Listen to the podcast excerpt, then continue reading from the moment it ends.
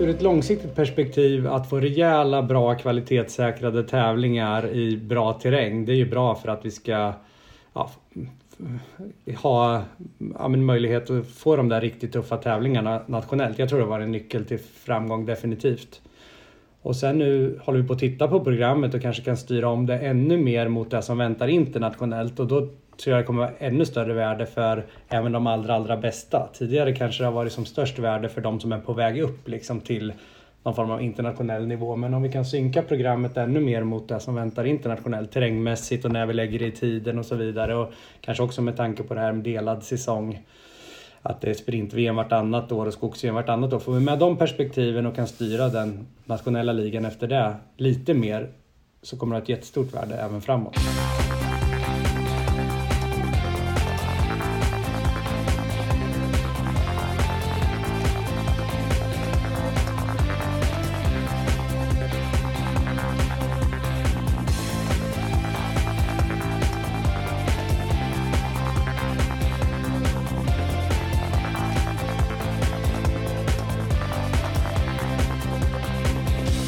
Då säger vi hej och välkomna till ett nytt avsnitt av eh, O-ringen-podden. Eh, mitten av mars månad i Örebro. Hemma hos Håkan Karlsson. Välkommen Håkan. Tack så mycket. Landslagschef på Svenska Orienteringsförbundet. Stämmer, landslagschef. Ja. Du, eh, hur länge har du varit nu på Svenska Orienteringsförbundet? Det börjar bli några år. Ja, verkligen. I ja. olika roller då, men ändå. Ja, det har förändrats genom åren. Men jag vet att det var 2008, tror jag, i december som jag skrev på mitt första anställningsavtal med Orienteringsförbundet. Då som landslagstränare under ett par år och sen med lite olika uppgifter och om man säger mer och mer övergripande ansvar mm. ju fler år det har gått. Mm. Och nu är du landslagschef i din titel. Vad, vad innebär det? Det innebär väl att jag ansvarar för att vi ska ha världens bästa landslag i alla våra fyra grenar. Och vi har precis tagit fram ett nytt strategidokument som säger att 2030 ska vi vara där. Att ha, vinna medaljligan på senior-VM i alla våra fyra grenar. Så det är ett kaxigt mål såklart, men det är väl mitt huvuduppdrag och då blir det ju allt ifrån att säkerställa att vi har en operativ verksamhet i våra landslag som är på så hög nivå så att vi kan ta medaljer här och nu på nästa VM, men också massa frågor då som ja, ger effekter på lite längre sikt. Att vi ska säkerställa att vi har det där bästa landslaget, inte bara på nästa års VM utan också ja, om fem år, och tio år och 15 år. Så det är, det är ett ganska stort och brett uppdrag. Då. Mm. Eh, intressant det du säger för att du är landslagschef och du är inte bara fotorientering utan det är de discipliner vi har.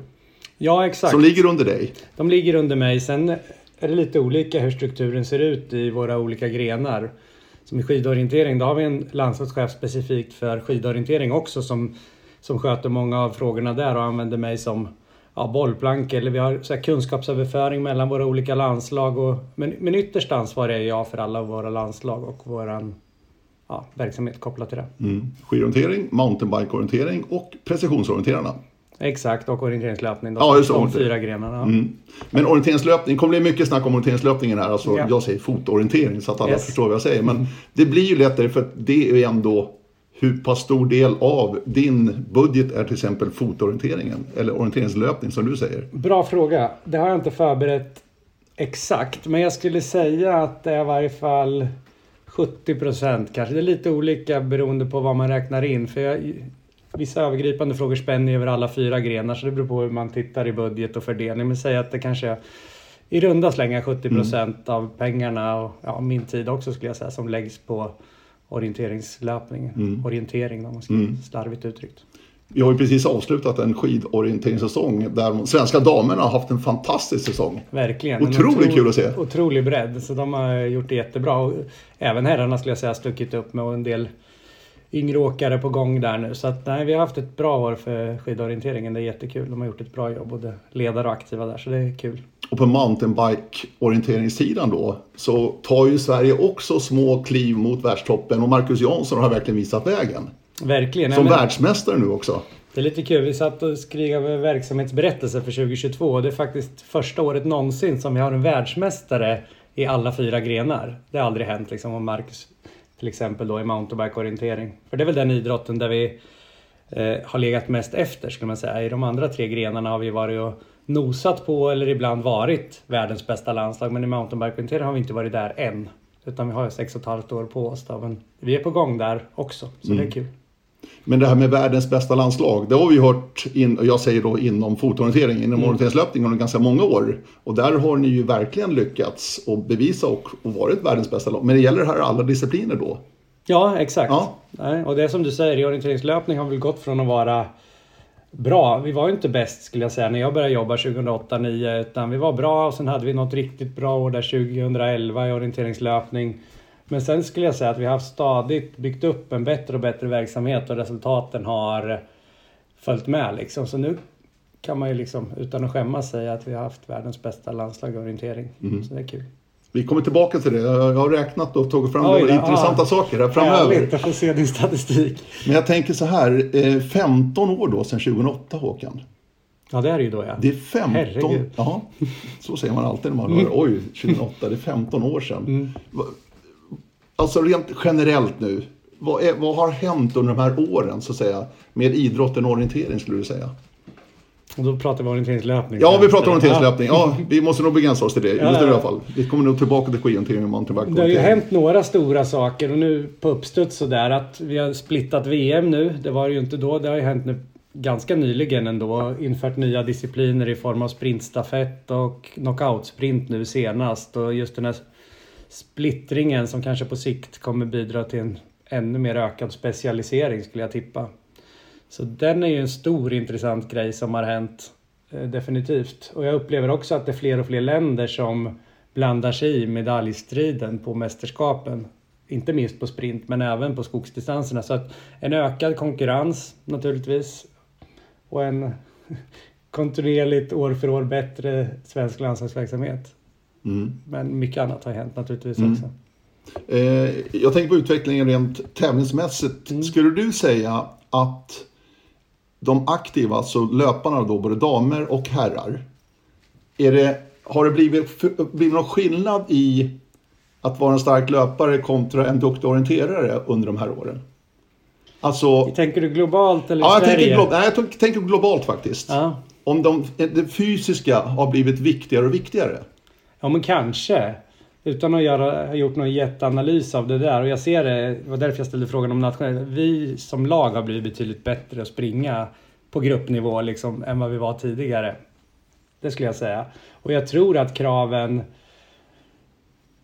ja, har ökat på att man behöver springa fort eller att vi har blivit bättre internationella orienterade att springa från år till år, absolut. Man ser ju, det går väl lite mot det här med tv-format och sådär också. Att eh, delar av banor som ska anpassas efter tv och ja, de här nya disciplinerna inte minst kräver en väldigt hög löpfart. Så att, och men jag tror det. Mm. Eh, en annan sak då som... Nu får du öppna dörren. Nej, jag får... Ja, något det är barn här. det är måndag eftermiddag nämligen. Ja, lite, men det går bra. Tack. Schysst. En hel... Ja, det är påsk snart. Ja, ja jag fattar. Och vi kokar lite ägg här och målar lite ägg vad det lider. Ja. En annan eh, tydlig eh, sak som har hänt också de här senaste 15 åren, och det är ju, vi kan väl backa 5-6 år i Sverige, att tjejer och killar har lika lång löptid. Mm, precis. Eh, där också internationell orientering nu har tagit steget. Mm. Sverige var ju först i det här. Ja. Nej, men det är bra. Det känns som att vi kan driva utvecklingen i vissa frågor och vara med och påverka. Och den här är en sån. Hur har det, eh, hur har det, vilket resultat har blivit av det här att damerna nu har lika lång löptid som herrarna skulle du säga? Har det varit enbart positivt? Det beror på lite kortsiktiga och långsiktiga aspekter på det där. Tänker jag mig. Och jag har nog lite för lite underlag för att göra den bedömningen. Jag, jag är ju för att det ska vara samma samma segrartider. Det känns vettigt. Jag ser ingen logisk förklaring till det inte. Sen är det alltid så när man gör förändringar att det kortsiktigt kan få konsekvenser som inte är perfekta i alla avseenden. Men jag, jag tycker det är bra. Mm. För jag kan ju jämföra med skidorna då mm. som tog steget till den här säsongen. Och då gick de inte på tider utan distanser. Mm. Vilket efter damernas historiska första fem mil och Holmenkollen Mm. Eh, där var det ganska många tjejer som var kritiska till att de fick gå fem mil. Uh. I och med att de fick åka en kvart, 20 minuter längre än killarna. Just det var det, det de slog ner på. Mm. Och där har ju orienteringen tagit ett ja, smartare ja. grepp tycker jag då med tiden. Jo men jag tror det. Det känns väl mer logiskt egentligen. Sen är det klart att jämför man med vissa löpgrenar då är det ju samma distans. En maraton, ett maraton. Men i och med att vår idrott är som den är och vi har ja, men räkna beräknade segrartider är ju det mått vi använder och då känns det väl som det är logiskt att det är det måttet som ska vara samma både för kvinnor och män. Mm. Har det påverkat de aktiva, eh, framförallt då eliten så att säga, att vara mer uthålliga, klara 90 minuter istället för 70 som det var tidigare till exempel? Jo men det förändrar väl kraven och måste ju såklart bli skillnader i hur man ska träna och så vidare. Men i och med att vi i Sverige har haft det på det här sättet länge så jag kan inte se några stora skillnader säga där. Det, visst, det är skillnad på 70 och 90 minuter men det är ändå rejäl uthållighetsträning mm. som måste bedrivas oavsett om man ska prestera på 70 eller 90. Så mm. det är lite andra aspekter såklart den sista kvarten på ett lopp som blir lite längre. Så. Mm. Du, en annan sak. Eh, vi på andra sidan pandemin nu. Två väldigt konstiga år. Mm. 2020 och 2021. Ja. 2022 går vi tillbaka. Hur mår svensk orientering? Efter pandemin här skulle du säga? Ja, men jag tror att det ändå är helt okej. Okay, att vi har klarat pandemin ganska bra. Då pratar jag mer än bara landslag. Vi har sett lite tapp men ändå kanske inte så stort som man hade kunnat förvänta sig. Tävlingsstarter och så vidare. Jag, jag skulle säga att svensk orientering mår väldigt bra. Alltså, vi ska bli flera och vi ska ha världens bästa landslag i vår vision och vi är på god väg i båda. Så att jag tycker vi mår bra. Och ur landslagets perspektiv så var det några tuffa år där. De har fått många så pinnar i näsan. Man har tagit sådana här tester för att, när vi tävlade under pandemin. Men det, det klarar vi bra tycker jag också. Det var speciellt, jag minns det var första gången var i EM i Schweiz va, tror jag. Som vi, mm. Då var det väldigt nytt och lite oroligt i leden sådär när vi åkte på aktivitet. Men ganska snabbt hittade vi rutiner för det där. Det var en speciell och turbulent tid men det har ändå gått bra tycker jag för landslaget under den perioden. Fick ni hantera någonting av covid och utbrott och sådär under era samlingar, träningar, tävlingar? Eh, inför så hade vi några fall liksom och sådär på några aktiviteter. Men inget sådär stort att vi fick något utbrott på utan vi klarade oss väldigt bra skulle jag säga. Om jag minns rätt. Jo, jag tycker det. Mm.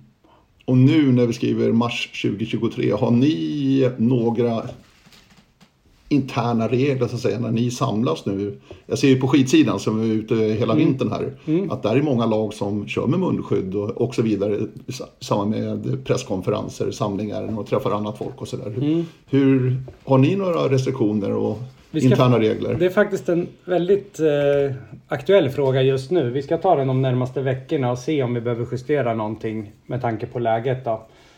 Ja, hur vi ska se på det här med covid. Vi har haft olika regler under olika delar liksom. Men nu ska vi ta ett snack med om kanske våra landslagsläkare och i landslagsledningen och bestämma hur vi ska förhålla oss till det när det är dags för Norge nu. Kanske titta lite på vad det finns för lärdomar inom skidförbund och skidskytt och så som har haft skarp säsong nu då. Så får vi ta ett förnuftigt beslut som, som gäller nu från när världscupen drar igång här nu i Östfold. Det är inte så långt kvar så vi ska sätta det innan vi, innan vi åker dit. Mm. Så det är fortfarande, det finns någonstans fortfarande där? Absolut, det är en fråga som vi diskuterar och som, ja, hur ska vi förhålla oss nu då? Hur ska vi se på covid? Är det, ska vi bara ha vår hälsa före prestation policy och så ingår covid som vilken annan sjukdom som helst? Eller behöver vi göra något specifikt just för covid med tanke på det som är? Så vi, ja, som sagt, just nu har jag inget svar på hur vi kommer jobba på den här, under den här säsongen men det kommer klarna inom de närmaste veckorna inför vår världscuppremiär. Eh, på tal om det, Håkan Karlsson, världscuppremiär alltså i Östfold sista helgen i april, runt Valborg mm. blir det ju. Yes. Ja. Eh, så tänker jag då Swedish League, som jag har premiären 15-16 april i Valdemarsvik. Det är tänkta 10 milområdet faktiskt. Ja. På, på, tal om pandemin som vi pratade om tidigare här, mm. som tyvärr fick ställas in då. Eh, men det är ett fantastiskt fint område. Eh, vad gäller nu för löpande. Det här är den första Swedish League-helgen också för året. Mm. En del som tar steget upp. Många laddar väldigt mycket till just de här tävlingarna för att visa upp sig för, för dig och dina kollegor i mm. landslaget. Mm. Vad gäller nu inför säsongen här och framförallt då Valdemarsvik till att börja med. Ja men det är ju den viktigaste vårtävlingen eh, nationellt då för ur ett landslagsuttagningsperspektiv. Så det är uttagning till världskuppen på de tävlingarna egentligen. Då. Sen är det ett antal löpare som redan är förhandsuttagna som gjorde så bra resultat förra året. Så, som då inte behöver kvala in. Men annars är det ju extremt tuff konkurrens. Och i, ja, i väldigt fin terräng som du säger. Och jättekul att arrangörerna där nere fick chansen att ha en värdetävling. De känns väldigt entusiastiska och sådär. Så att, det, blir, det blir spännande tävlingar där och se vilka som kniper de sista platserna till Östvold. Mm. Och på tal om platser, Sverige har hur många platser? Vara tydliga bara. Det finns ju kvoter ja, ja, för landslagen. Precis, det är lite olika beroende på hur man ligger till i eh, eh, ja, den här nationsligan. Då. Och vi ligger i den högsta, högsta potten och då har vi åtta platser per ordinarie platser per, per land och per kön. Så att vi har åtta platser och sen har vi regerande världsmästarplats. Även på världscupen? Ja, precis. Mm. Eh, Valdemarsvik, är det någorlunda relevant mot det som väntar i Östfold? Och Östfold kommer det gå i, inte VM-området, men inte så långt därifrån. Från mm. 2019 då. Ja, men någorlunda skulle jag säga. Det är ju nordisk terräng liksom. Så att det, det blir tillräckligt bra liksom. De som presterar i Valdemarsvik kommer också prestera i Östfold. Och det är ju, det är ju en terräng som är vi är vana vid och vi har haft mästerskap där ganska nyligen och det är många som har tävlat i terräng som liknar den som är Östfold så jag tror inte det är några egentligen konstigheter så. Du, det är inte lätt att ta sig in, även om det är åtta platser, svenska mm. platser, så är det ju oerhört tufft för en ny kille eller tjej då som mm. kanske levererar. För att ni tittar i backspegeln också. Vad Nej, löparna har gjort. Jag har ett otroligt tufft läge på ett sätt men också väldigt gynnsamt läge såklart. Att vi har så otroligt många bra. Vi kan ju titta på det liksom så många som har tagit medalj liksom internationellt under förra året eller om man backar fem eller sex år. Så vi har ju otroligt många duktiga löpare så att det är som du säger jättesvårt att, att kvala in. Liksom. Till skillnad mot en del andra länder där man egentligen bara behöver visa upp sig och kan få springa. Så mm. Att, mm, det är på gott och ont att vi har sån bredd och konkurrens men mest på gott skulle mm. jag säga. Eh, Swedish League. Mm. Viktig för löparna tycker jag fortfarande att det har hög status. Hur viktig är den för er inom landslagsorganisationen? Ja, men det är ju bra ur ett långsiktigt perspektiv att få rejäla, bra kvalitetssäkrade tävlingar i bra terräng. Det är ju bra för att vi ska ja, ha ja, möjlighet att få de där riktigt tuffa tävlingarna nationellt. Jag tror det var en nyckel till framgång definitivt. Och sen nu håller vi på att titta på programmet och kanske kan styra om det ännu mer mot det som väntar internationellt och då tror jag det kommer vara ännu större värde för även de allra, allra bästa. Tidigare kanske det har varit som störst värde för de som är på väg upp liksom till någon form av internationell nivå. Men om vi kan synka programmet ännu mer mot det som väntar internationellt terrängmässigt och när vi lägger det i tiden och så vidare och kanske också med tanke på det här med delad säsong att det är sprint-VM vartannat år och skogs-VM vartannat år. Får vi med de perspektiven och kan styra den nationella ligan efter det lite mer så kommer det ha ett jättestort värde även framåt. Mm. För risken är ju annars om det blir eh, från 2025 så kommer det bli en världscuprunda till per år till exempel. Mm. Att de svenska, våra då världsstjärnor inom orienteringen kanske väljer bort de svenska tävlingarna. Som vi ser inom andra idrotter. Ja, vi ser det. Alltså, det är ju jättehäftigt på ett sätt att vi har våra landslagsstjärnor närvarande på så mycket tävlingar där andra är med. Så det kan ju absolut bli så. Så därför gäller det att planera det väl och fundera över hur mycket vi ska tävla. För vi, vi tävlar ju väldigt mycket i orientering om man jämför med många idrott, andra idrotter också. Så att det, det är en balansgång det där. Mm. I år är en skillnad bara eller Swedish League. Den slutar inte i oktober utan slutar faktiskt i mitten på september redan. Mm. Är det ett, ett tecken på att ni har lagt i lite grann i planering och annat? Jag tycker vi har haft en dialog med de som har jobbat med arrangemang och det är olika premisser varje år då beroende på vart EM och vart världscuper går och så vidare och SM-tävlingar och olika saker som påverkar det. Så, så, vi har en bra, en bra dialog tycker jag internt och sen nu så tar vi ett steg till och tittar på värdetävlingar inför kommande period. Så att... Hur nära är ni en Swedish League-tävling? Alltså, får ni banor att titta på till exempel för att kvalitetssäkra från ert håll? Ja men vi kan nog vara med både och ge tips och råd liksom till de arrangörer som känner att de vill ha det. Och specifikt på de som vi då bedömer är skarpa uttagningstävlingar så kanske vi vill vara med och tycka och tänka lite mer så. Så det, det varierar från fall till fall. Men relativt nära. Jag ska åka ner till Valdemarsvik eller Norrköping och träffa dem i nästa vecka inför tävlingarna där. Så det ska mm. bli kul att mm. se dem ha det. För det är viktigt också för arrangören att de känner att löparna kommer också. De bästa löparna de är väl arrangerar en, ett toppkvalitet-arrangemang här i Sverige. Ja, men det förstår man ju verkligen. Så det är tråkigt när löparna inte väljer att åka samtidigt då som man ja, tycker ska ha förståelse för att det är ett jättetufft tävlingsprogram och springer man allt internationellt och har... Så det är en svår balansgång för våra bästa löpare att göra också. Men då är det ju viktigt att vi är med tidigt i planeringen med landslagshatten på oss och kan se så att programmet blir så synkat som möjligt. För det är ju en fest när alla våra bästa kan vara med på våra nationella tävlingar. Mm. Du som är runt mycket, hur står sig en svensk orienteringstävling idag gentemot de internationella? Ja, det beror ju på lite vad man... Vi, vi, vi försöker svara lite politiskt korrekt. Nej, men vi är ju duktiga på att arrangera framförallt skogsorientering om man får säga så. Och det känns ju som det där vår rörelse och vi brinner för att göra och där tror jag vi står oss väldigt bra. Sprint har vi nog lite mer att göra generellt än vad vi har på skogsorientering. Dels att få fler sprinttävlingar. Om du kollar i eventor så ser du ju att det är väldigt få och de varierar mer i kvalitet än vad skogstävlingar gör skulle jag säga. Mm. Men att vi har, vi har ett fantastiskt tävlingsprogram, liksom jättemånga tävlingar och på många ställen så att många är säkert avundsjuka runt om orienteringsvärlden på den tävlingsverksamhet vi har i Sverige och vi har några av de här stora flaggskeppen med 10 mila och O-ring. Alltså så vi ett fantastiskt orienteringstävlingsarrangörsland ju. Mm. Men det är viktigt också att man får kvantitet, inte bara kvalitet på en tävling för att få det att gå runt. Så är det ju. För om man vill ha in pengar mm. till klubbkassan, så enkelt är det ju. Och då är ju en skogsorientering trevligare och enklare tror jag att locka flera än en sprint.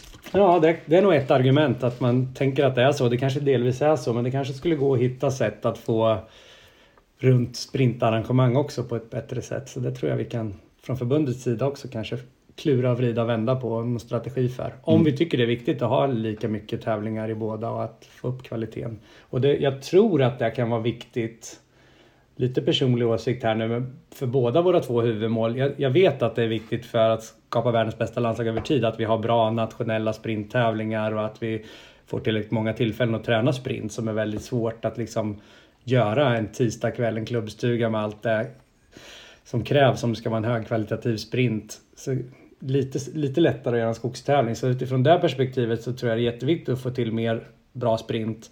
Men jag tror också vi har någonting att hämta där utifrån att bli fler orienterare. Att vi kan ordna orientering som är lite mer lättillgängligt och synligt för de som än så länge inte har förstått att de också ska hålla på med orientering. Så att, ja, det finns nog lite att göra där. Jag hoppas att föreningarna arrangerar mer sprinter. Mm.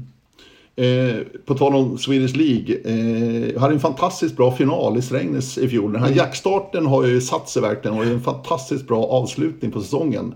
Där Caroline Olsson gick från fjärde upp till seger i mm. jackstarten, passerade Tove till och med. Mm. Det var häftigt. Och Gustav Bergman är ju en riktig Swedish League-veteran. Ja. Det är tydligt att de ändå gillar, ni hör, både Tove och Gustav var med liksom. Och det är ändå en kvalitetssäkring tycker jag någonstans, att de här bästa verkligen är med. Mm, jo, men det håller jag med om. Och det var, jag följde det där ja. rafflande. Ja, riktigt rafflande mm. faktiskt. Med Swedish League alltså. Inledning 15-16 april i Valdemarsvik. Eh, Söderköpings OK. Mm, Hammarkind, Hammarkind Ja, det är Valdemarsviksklubben. Ja, exakt. Ja. Det är kul. Lite så här mindre föreningar som tar på sig ett sånt stort arrangemang. Det är jättekul. Entusiastiska som sagt. Så jätteroligt. Och det blir häftigt också för alla er som kommer dit att mm. få testa på den tänkta 10 mila terrängen. För mm. att det är ett otroligt häftigt område. Har du varit ute och kört? Nej. Nej. Jag har varit där flera gånger men jag har inte varit ute i terrängen. Nej. Men jag har sett bilder och hört ja. att det är fantastiskt fint. och där har vi Sveriges enda fjord säger de också. Valdemarsvikfjorden. Ja, dit måste man åka ja. såklart. Och själva idrottsplatsen blev ju utsedd till Sveriges vackraste idrottsplats härom, härom året. Bara en sån sak. Nu har vi sålt in det där. Vi ser hur många det blir i Det blir nog många. Jag hoppas, det blir många. hoppas verkligen det. Eh, en annan sak då, eh, med tanke på det här världens bästa landslag. Jag har tittat lite grann på eh, utdelningen vad det gäller medaljer, VM, sedan Sverige 2016. Mm. Det var ju det året Tove Alexandersson vann sin första guldmedalj. Ja, du har säkert rätt. Jag, tänkte jag, jag vet att jag har rätt. Även eh, med stafetter? Ja. Ja, just det. För vi tog... ja. Mm. Så att, och sen dess så har Sverige plockat 22 stycken guldmedaljer. Mm. Det är coolt. Hur många av de 22 är Tove inblandad i? Ah. inblandad ja, men, all, alla skulle jag säga då. För vi försöker ju tänka team och att vi ja, ja, stöttar så. varandra okay, och blir okay, bättre och okay. som lag och så. Så hon har ju bidragit till ja. sina lagkamraters utveckling. Så 22 av 22 säger jag då. Det, det, är ett bra svar. Det är ett bra svar. Eh, rent krasst då så är hon inblandad i 18 av de 22 guldmedaljerna. Ja, det är häftigt. Jerker och Isak har ett varsitt sprintguld de här mm, åren. Just det. Och så är det två stafettguld på här sidan. Mm. Det är de fyra. Annars är Tove med individuellt och stafett. Mm.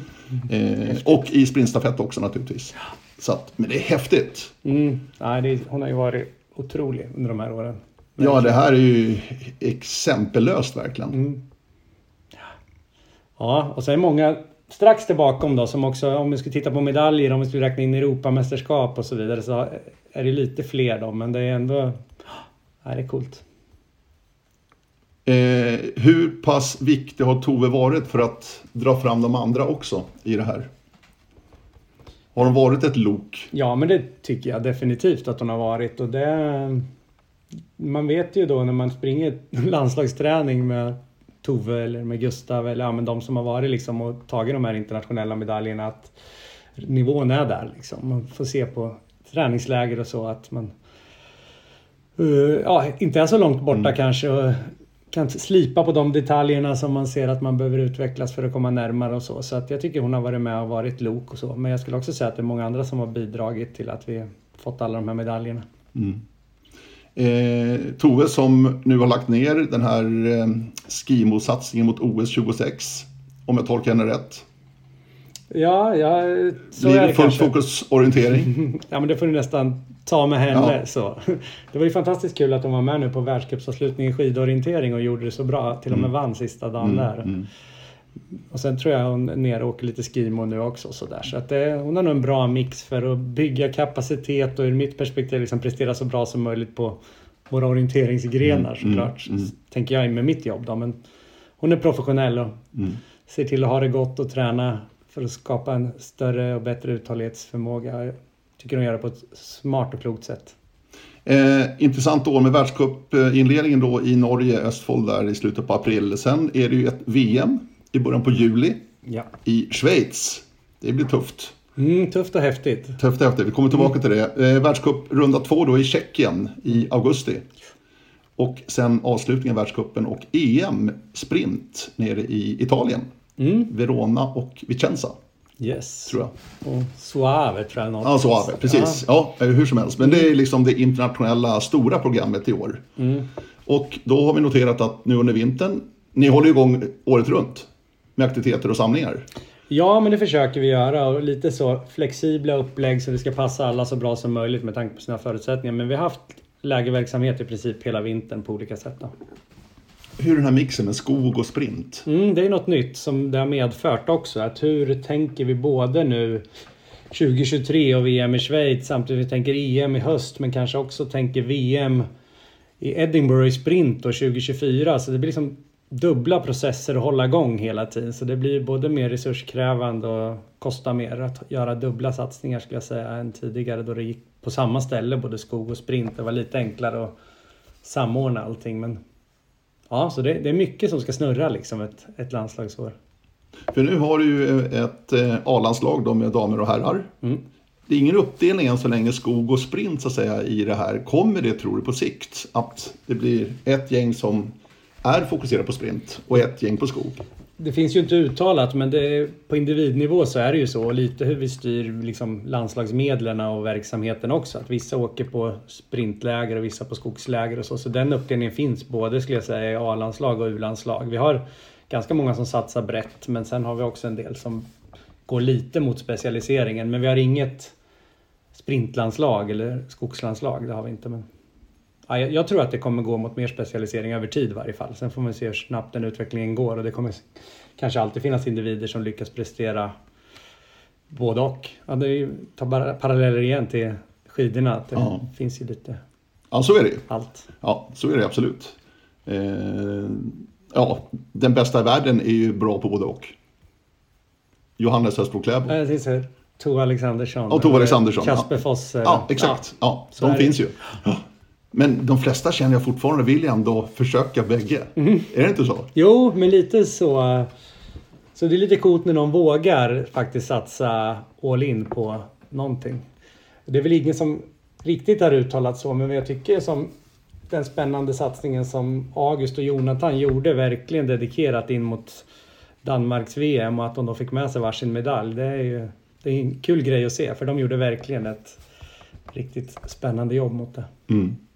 För att där finns det ju ändå genom det. Jannik Mitchells, mm. belgaren, är ju också ganska typiskt exempel på. Han tar sig ju inte till en final i skogen. Nej. Men däremot till sprint så är han ju med och fightas. Mm. Så att, ja, jag tror, och det har vi pratat om ganska länge, att det blir specialitet. Men jag tycker det tar längre tid än jag trodde, ja. om jag ska vara ärlig. Ja, kanske.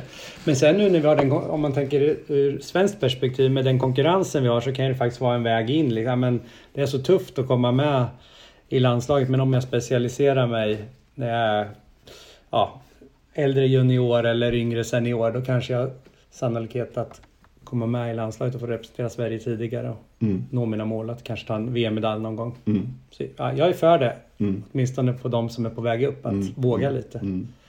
Vi pratade om tidigare, det är ju åtta platser då plus eh, eventuellt regerande världsmästare som tar en plats i världscupen. Mm. Nålsögat är ju oerhört litet till att ta sig till ett VM. Mm, det blir nästa nivå då, då det är 3 plus 3. Sen där har vi förmånen att vi har i år Europamästare räknas ju in där också förutom världsmästare. Så där har vi ju Tove och på damsidan och sen har vi Martin och Albin mm. som är Europamästare då som har friplatser. Så där det är bra. Det känns superbra. Jag kan ja, tänka mig det. Både för dem då att de kan ju verkligen fokuserad satsning på det och mm. inte behöva bry sig om kvalificeringen på samma sätt som de andra. Men också att det öppnar upp för ytterligare ja, personer då som kan ta de ordinarie platserna. Ja. Så det är väldigt bra. Och de där friplatserna är alltså personliga? Mm, ja. Precis. Så Albin Ridefelt vann medel och Martin Regborn vann lång yes. i Estland då förra året under EM. Eh, vägen till VM, där är det också så, VM-tester mm. i Schweiz. Yes, i början på juni där är det VM-tester ihop med andra länder. Så det är schweiziska om det är förbundet eller organisationen där nere som bjuder in till tester. Så det är ju jättebra. Det är så pass speciell, och, ja, speciell karaktär på terrängen där så att därför är det bra tester i Schweiz. Relevant terräng. Hur många tror du kommer springa? Hur många svenskar brukar vara med när det, när det går liksom på on-site, på plats? Ja, men det är väl de som antingen tänker att de har en realistisk chans att komma med eller som ser det som en bra sätt att få internationell erfarenhet av den typen av terräng om man är på väg upp kanske siktar på ett VM om 5-10 år så kan det också vara en väldigt nyttig erfarenhet att springa den typen av terräng. Så att, svårt att säga. 15-20 kanske per mm. kön. Mm. Är svårt att säga. Ja, vi får se. Vad känner du annars inför Schweiz? För det är väl kanske den eh, svaga länken hos Sverige att lyckas i Schweiz. Ja, Just med den här kontinentala kuperade terrängen. Väldigt speciellt. Jo men det är det nog. Så, så, så känns det om man backar historiskt att det är den typen av terräng vi har haft svårast att prestera. Ofta när vi har varit världscupfinaler. Schweiz har arrangerat väldigt mycket världscup. Och där har vi ju, utan att jag har exakt fakta, varit sämre än i mm. många andra terränger. Så är det ju. Sen så tycker jag ser positiva tecken. Vi hade ju en världscupavslutning i Davos det, mm. nu i höstas där jag tycker att vi har gjort det bra och det här vi pratar om med att höja vår fysiska nivå, liksom att bli bättre att springa, det tycker jag har gett resultat. Så att jag tror att förutsättningarna ändå är godare än vad de var för fem år sedan att prestera i den typen av terräng. Sen ska man säga att det skiljer nog ganska mycket mellan de olika distanserna. Jag tror att långdistansen där blir nog det här klassiska alpina, väldigt tufft fysiskt liksom. Medans medeldistans och stafett kanske blir lite mer tekniskt och liksom om man generaliserar passar oss bättre. Men ja, vi har ju så många duktiga individer nu så att om många gör jobbet, håller sig hela och friska med förnuftig träning så tror jag vi ska ha bra kort att ställa på startlinjen där när det är dags. På tal om individer, jag hörde lite rykten i höstas då i just Davos där. Mm. Att några var pigga kanske att flytta ner till och med här under våren för att vara på plats och. Verkligen ge, ge, sig själv möjligheten att träna i det rätta elementet. Mm. Är det så eller? Ja, men det är ju jättekul att löparna vågar det liksom. För det är inte så fett att vara elitorienterade. Det är, ett program för sig kanske till podden, men just hur vi kan skapa förutsättningar för dem att våga vara ännu mer professionella och liksom ta klivet. För det är ju tufft att ha råd att vara nere i Alperna och träna. Men det är ju några som har gjort det nu. Jättekul. Sara Hagström ihop med sambon Oskar Sjöberg är nere i Italien och tränar nu i VM-relevant terräng. Tove har varit där mycket och det är fler som funderar på det. Så det är jättekul att de verkligen gör jobbet.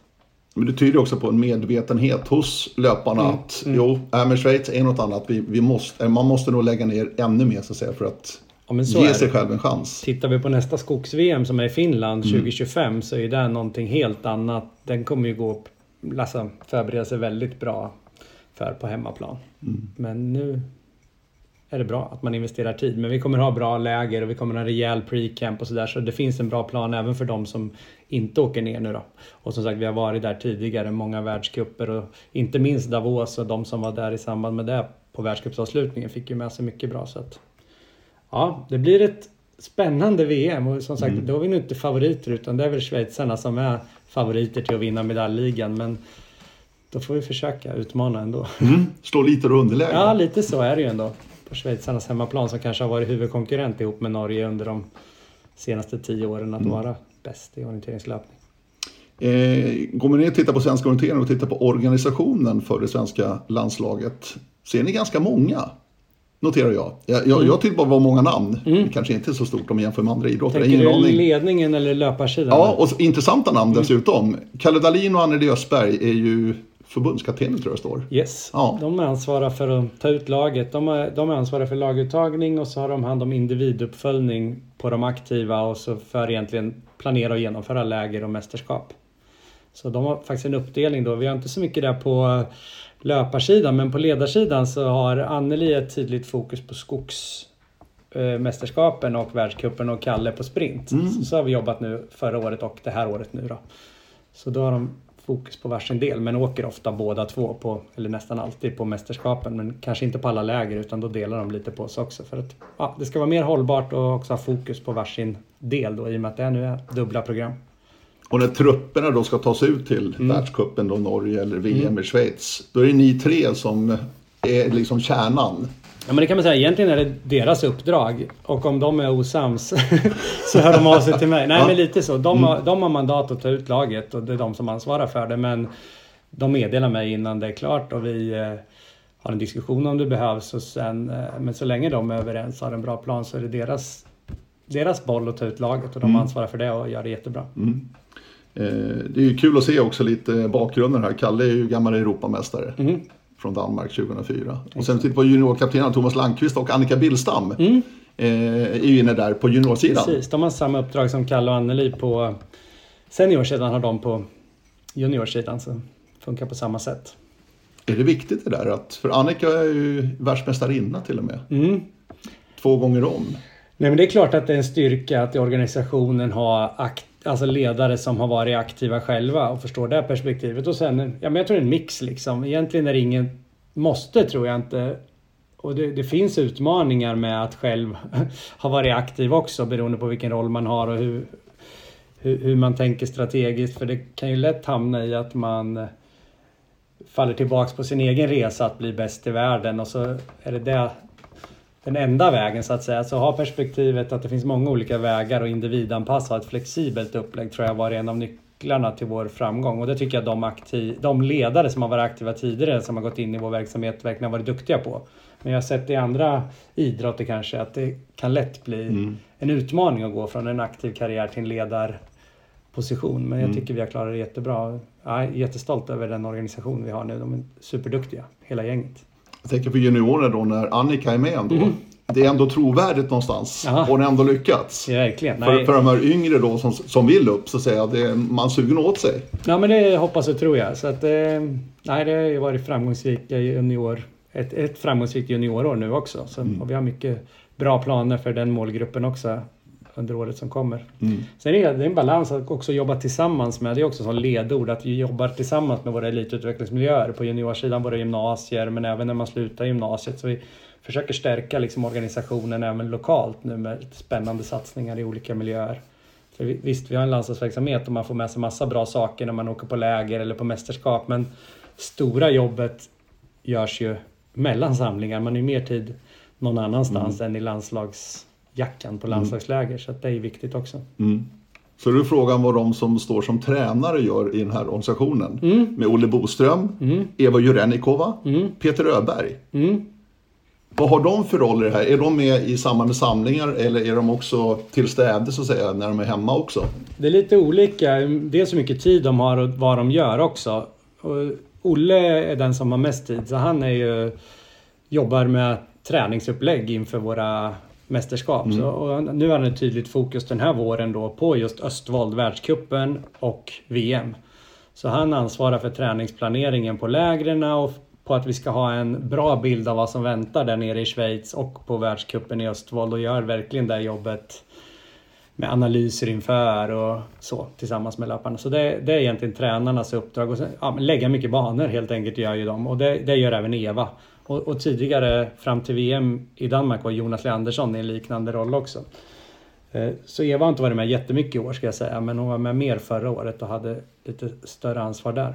Peter har lite mer koppling mot forskning och utveckling, så han koordinerar lite utvecklingsprojekt och varit projektledare för en långdistanssatsning vi har gjort för att bli bättre på långdistans och så vidare. Han har också ett lite mindre uppdrag, men är lite mer mot utvecklingsprojekt. Så han, han hade även ansvar för knockout-sprintsprojekt där vi tittar lite över dagsplaner och nutritionsplaner och så inför VM i Danmark. Och, så, så i grova drag är väl mm. deras roll då, som tränare. Mm. När man åker på världscupen, vi tar ett som exempel nu, det är åtta stycken löpare mm. eh, av vardera kön till Östfold i Norge här i mm. slutet av april. Mm. Vilka är det som åker med dit på ledarsidan så att säga? Vilka är det som är med där stöttar? Du var inne på nutrition här till exempel. För att jag har ju mött en kock då och då till exempel. Mm. med ute på era eh, mästerskap och sådär. Ja men det är ju Kalle eller Anneli på seniorsidan då för eh, som på Östfold till exempel så är Anneli huvudansvarig så hon bemannar upp den aktiviteten så att det blir så bra som möjligt. Ofta eh, eller på mästerskap och världscuper åker ju Kalle med också. Så Kalle och Anneli ansvarar liksom för helheten och laguttagning på plats och ser till att allting funkar. Ofta finns det väl med sen någon med lite tränarkompetens som sköter träningarna. Och sen är ju maten en jätteviktig del så där det går försöker vi ha med en kock då. Sen har vi inte med en nutritionist men vi har ett samarbete med Emma Martner som ja, kvalitetssäkra kosten mm. på distans och är med ibland då, så att säga. Och sen finns det ofta med en fysio de, på de flesta aktiviteter som ja, Massar, massera låren. Ja, till exempel ta hand om, ofta blir den liksom medicinskt ansvarig mm. ser till att ja, behandla löparna, se till att de är bra slag. Då. Så det är väl grundstommen. Sen kan det kryddas upp med lite olika saker och vi har ju också en ju mer vi syns på TV och i media så blir också det perspektivet viktigt. Så att få med någon som jobbar och tar hand om mediafrågor också. Mm. Försöker vi också ha med. Mm. Men det är lite olika. Vi har ju en relativt begränsad budget skulle jag säga ändå så det, vi får ju prioritera både med, ja, egentligen med allting. Mm. Men eh, ja, så ser det ut ungefär. Och tipsa om också, Emma Martner nämnde du Håkan. Mm. Eh, jag mötte henne för några år sedan. I en mm. väldigt kul podd, det kan jag rekommendera. Den finns okay. på podden i mm. arkivet. Mm. Emma Martner. Ja. pratar vi kost och annat mm. smått och gott. Ja, hon är superduktig. Ja. Så vi är jätteglada. Precis gjort klart att hon ska fortsätta under hela det här året också. Stötta oss med nutritionsbitar. Det är jätteviktigt. Mm. Både liksom utifrån ett prestationsperspektiv men sen ska vi också faktiskt göra ett litet omtag med aktivas hälsa och jobba lite med det området. Både liksom kopplat till landslaget men förhoppningsvis också att det kan ringa på vattnet kopplat till våra utvecklingsmiljöer runt om i Sverige och föreningar och orienteringsgymnasier och så. Och då är också nutritionen en jätteviktig del, precis som liksom, ja, med fysiologin och psykologin. Men, mm. så det, det är kul. Spännande! Ja. Vi står inför en ny säsong. Yes. Eh, fantastiskt roligt ska det bli. Ja. Du eh, Håkan Karlsson, tack så mycket. Tack själv. Väldigt trevligt. Och eh, O-ringen-podden tillbaka alltså efter någon månads uppehåll här. Men eh, häng med oss nu framöver. Eh, just nu säger vi tack och bock ifrån Örebro och hör av er. Radio snabel är adressen. Hej då!